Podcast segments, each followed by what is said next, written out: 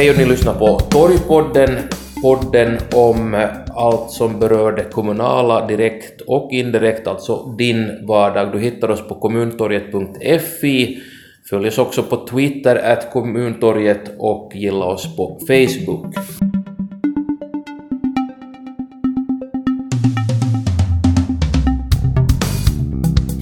Och jag säger välkommen till Torgpodden Göran Honga som är tidigare stadsdirektör i Jakobstad, också direktör för Vasa sjukvårdsdistrikt och numera då vikarierande direktör för egentliga Finlands sjukvårdsdistrikt. Det ska du vara fram till början av nästa år ungefär. Så blir det. Ja.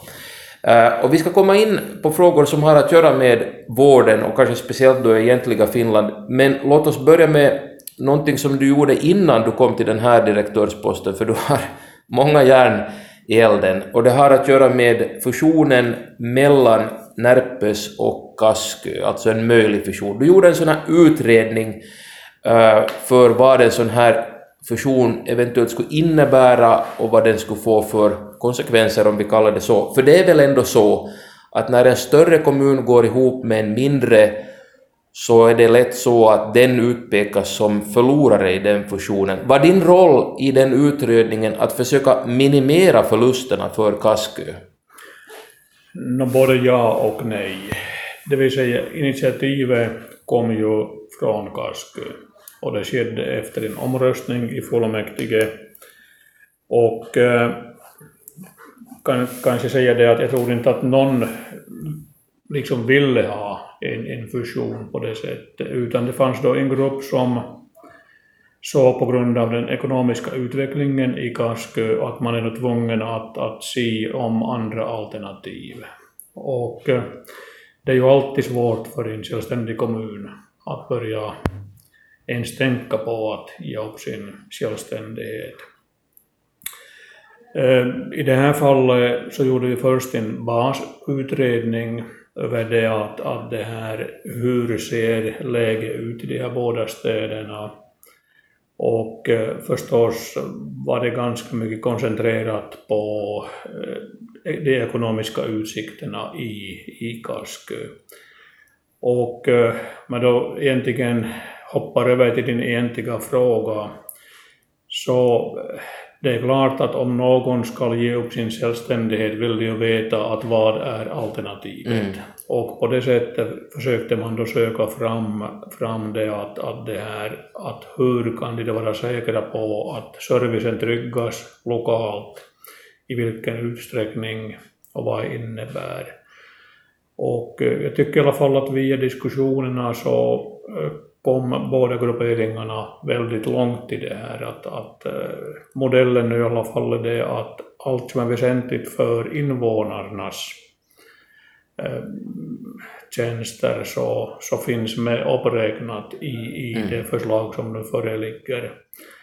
Eh, däremot är de här andra bitarna förstås det lokalpolitiska, partipolitiska inflytande möjligen i en ny stad, så det är ju det är sen en annan aspekt av det här.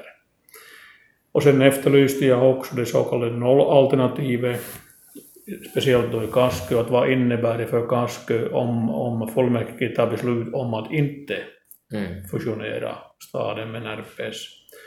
Och där är ju då utsikterna ganska krassa som det ser ut i, idag med den utveckling de har. De har ännu kvar överskott i balansen så de har några års respit men att det här om inte man då gör någonting så inom, inom kort så är man då, inom några år är man då en kriskommun. Och det leder ju då till egentligen samma utveckling som fusionen men utan det att man då skulle själv kunna påverka mm. vad som ingår och, och nu har man då påverkningsmöjligheter. Just det. Och då verkar det då som att man fortsätter i Närpes och Kaskö på det sättet att i Närpes så gör man eventuellt en sån här enkätundersökning, tar reda på folks inställning till en fusion. Kaskö så blir det då tal om en folkomröstning. Um, hur viktigt är det att Kasköborna kanske då främst uh, vet vad detta nollalternativ innebär. Det var det jag påpekade i de här diskussionerna här i, i slutskedet. Och en folkomröstning är, ska vi säga, den, den är demokratisk, men den är problematisk för att du svarar bara ja eller nej. Mm. Och, och det finns inga grå nyanser i, i det här. Och sen det att, att hur bra får man då liksom befolkningen medveten om det, vad, vad då ett eventuellt nej innebär. Att de måste, måste finnas till handa.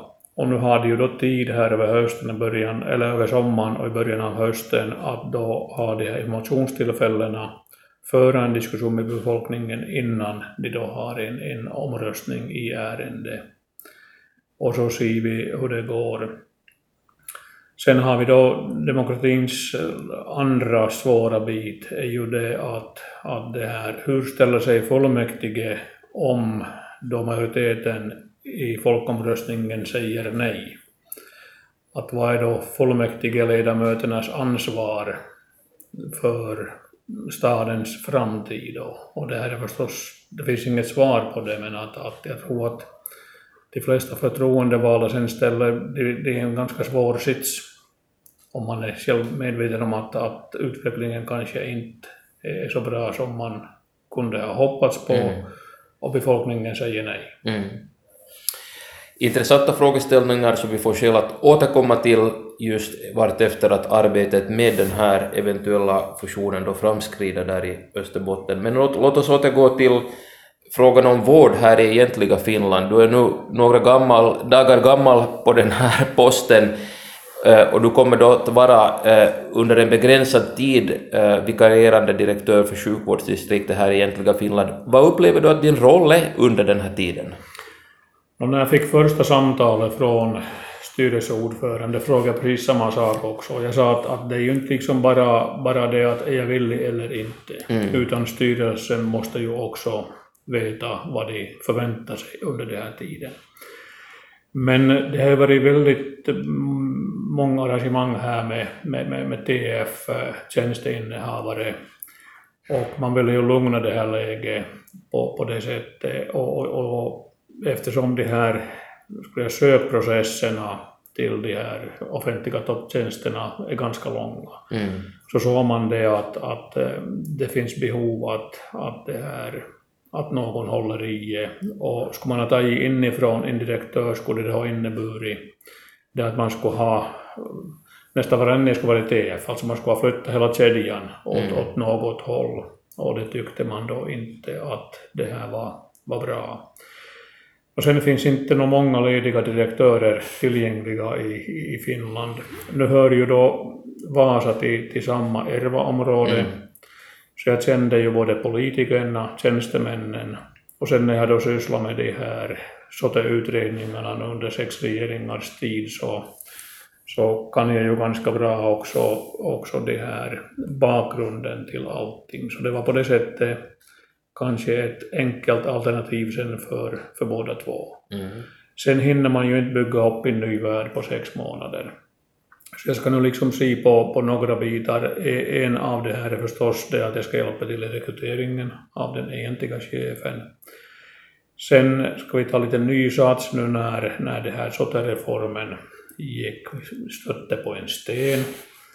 Och det betyder ju det att, att den här regionala beredningen måste ju pågå i alla fall på något sätt. Eh, man hade satsat väldigt mycket på den här reformen Mm och nu när det gick i stöpet och vi ser att, att den här beredningen kommer att då ske via en parlamentarisk kommitté och eh, det kommer säkert att ta tid, kanske en fem år innan man får nya strukturer till stånd om det lyckas politiskt Mm. så måste jag se en utveckling under den tiden. Och, och där har jag en, en viss roll. Och sen det tredje kanske är det att när de strukturerna ändrar så betyder det också att, att man hamnar och ändrar kanske lite på förvaltningssystemen också i de här sjukvårdsdistrikten. Och universitetsdistriktet är ju lite speciellt på grund av, av sin karaktär. Så det ska vi titta på här under hösten. Jag hoppas att starta strukturförändringar och processer som sen då efterföljaren kan ta, Mm. ta tag i. Och kanske det mest viktiga är i alla fall det att när nu strukturerna i alla fall på sikt ska ändras gentemot någonting annat, så blir ju det här kommunsamarbetet det, den stora biten där, man måste nu få till stånd redan i höst nya strukturer. Det är väl alla eniga om i hela landet. Mm. Både i kommunerna och sen i de här samkommunerna. Så att det finns nog att, att det här göra. Men att jag, jag, jag bara sparkar igång processen och sen får de andra ta över.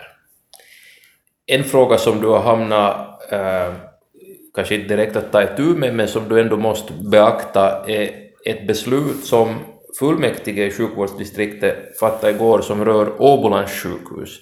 Åbolands sjukhus, för de som inte känner till det, är alltså ett, ett affärsverke där de stora ägarkommunerna är Pargas och Kimitoön och de betjänar alltså då Eh, äh, åbolänningar på bägge språken, finska och svenska. Nu har man fattat ett sådant beslut om att Åbolands sjukhus ska inlemmas med sjukvårdsdistriktet, alltså uppgå i det och det här affärsverket, självständiga affärsverket ska monteras ner.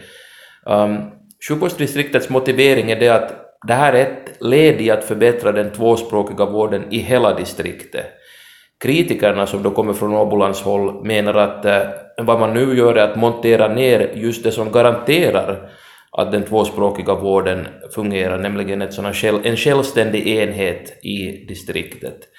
Ehm, för det första, ehm, vad är din uppfattning om den modell som man inom distriktet nu eftersträvar genom att inlemma det här Åbolands sjukhus i universitetssjukhuset? Jag ska först korrigera det ja, lite. Och ja. det här, alltså Åbolands sjukhus hör till sjukvårdsdistriktet. Så gör det, ja. men, men det har i, alltså formellt på grund av de här historiska skälen Ja. så det fungerar som ett affärsverk.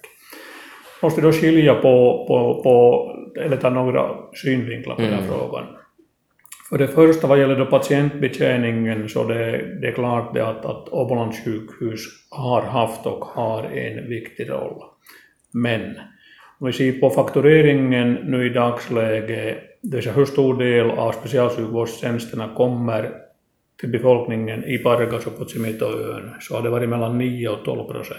Alltså huvuddelen av, av eh, patientströmmarna och vården sker annorstädes än på Åbolands sjukhus. Och det, det är bara en, en liten bit av det.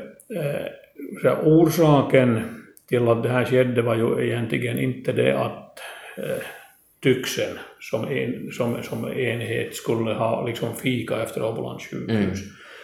Utan de här reformerna nu under de här föregående åren, inklusive då, då begränsningarna på, på jourverksamheten, på operationsverksamheten och mycket annat, ledde ju egentligen till det att, att förutsättningarna för verksamheten på Åbolands sjukhus ändrade markant. Och eh, om den då inte så skulle säga, formellt en, en, en del av, av, av universitetssjukhuset så är det alltså av Tyxen då i det här fallet, så, så begränsar det liksom de här möjligheterna. Och sen den andra stora frågan egentligen är det att där finns väldigt kunnig personal och också språkkunnig personal.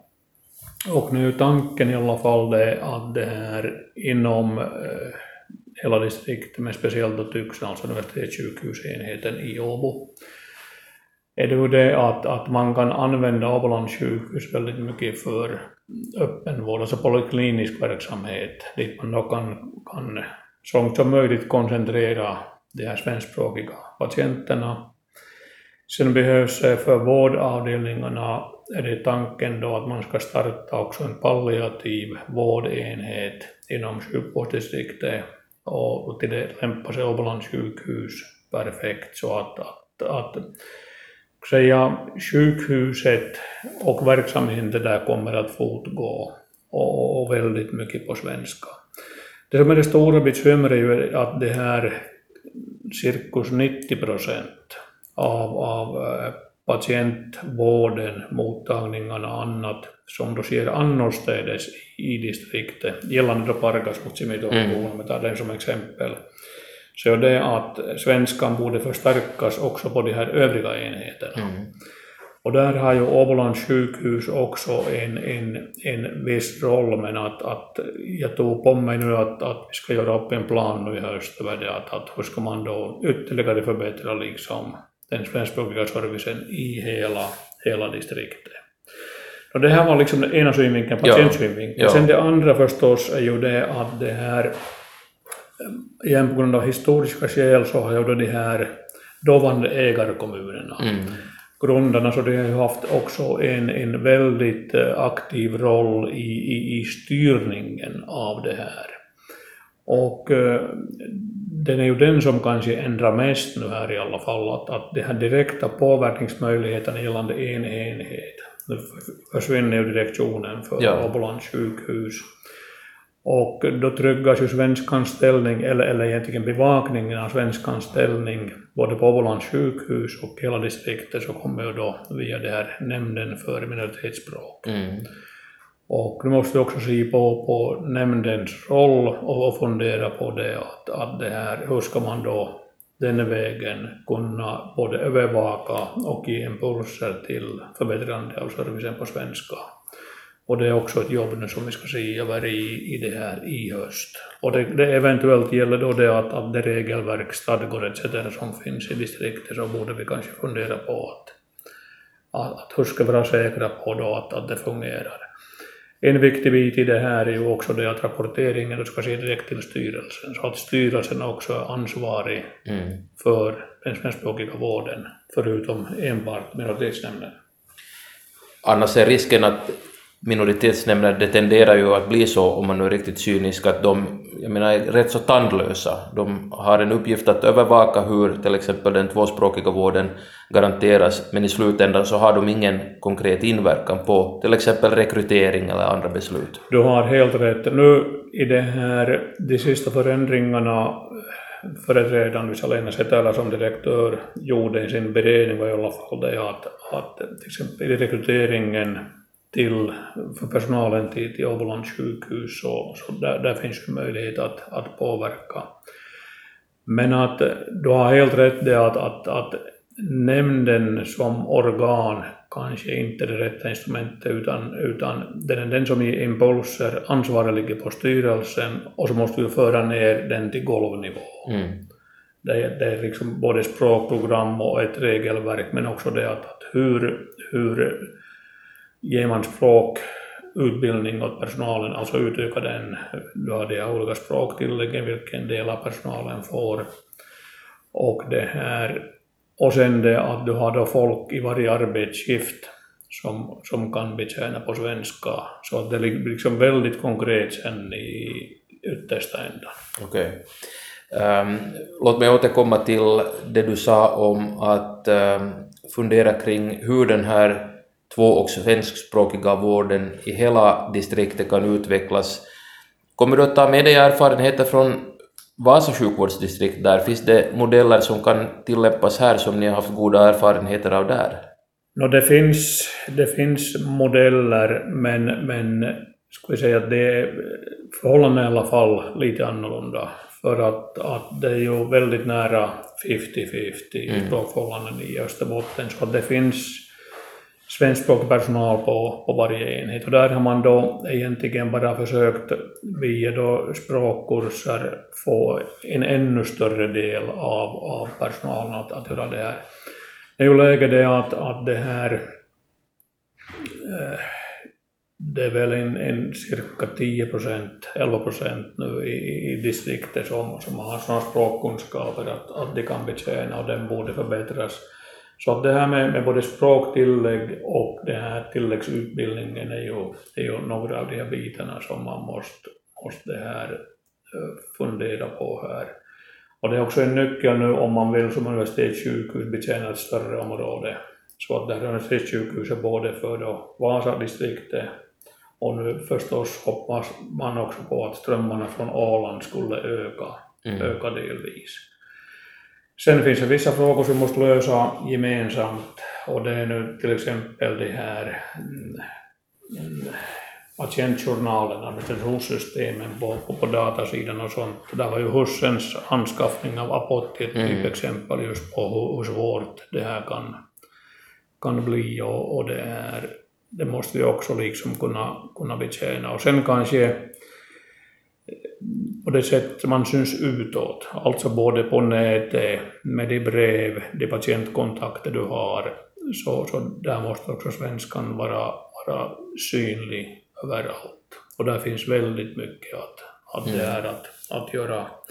Det man gjorde till exempel i Vasa, det fanns ju en viss kritik som var befogad också, man ökade ju då på antalet översättare och det är nog ett instrument som man säkert hamnar använda här också. Just det, ja. Om vi tar det här som en avslutande fråga då, du säger att det finns mycket jobb att göra och det som nu sker eventuellt med den här Åbolands sjukhusfrågan är det att ägarkommunerna Pargas och Kimitoön kommer att överväga huruvida de kommer att bestrida det här beslutet som togs i fullmäktige. För man upplever att beredningen av det, språkkonsekvensbedömningar och så vidare var inte fullgott gjorda. Vad har du för hälsning till de tjänstemän och beslutsfattare i de här kommunerna som överväger att inte acceptera fullmäktiges beslut i tisdags? No, nu är det det här, varje individ och kommun har rätt att, att, att överklaga det här, det här besluten, så jag ska inte ta ställning till det. Men så mycket har jag nu i alla fall lärt mig diskussionen här i det här distriktet att, att liksom diskussionen i, diskussionsklimatet i beredningen borde förbättras. Och, och jag tycker att delvis var, var kommunernas kritik befogad. På det sättet att man kunde ha, eller det var inte klart för alla hur det här är tänkt. Och, och därför var det ett så svårt beslut. Så vi får nu se hur det, hur det går. Men sen patienterna måste ju skötas det oaktat. Och oberoende av om det blir så här eller inte så, så måste man ju i alla fall nu sköta om strukturerna på det sättet att patientvården fungerar också på svenska hela tiden. Ser alltså Göran Hånga som är vikarierande direktör för egentliga, sjukvård, egentliga Finlands sjukvårdsdistrikt fram till början av nästa år. Göran, tack för att du medverkar i Torgpodden. Tack, tack.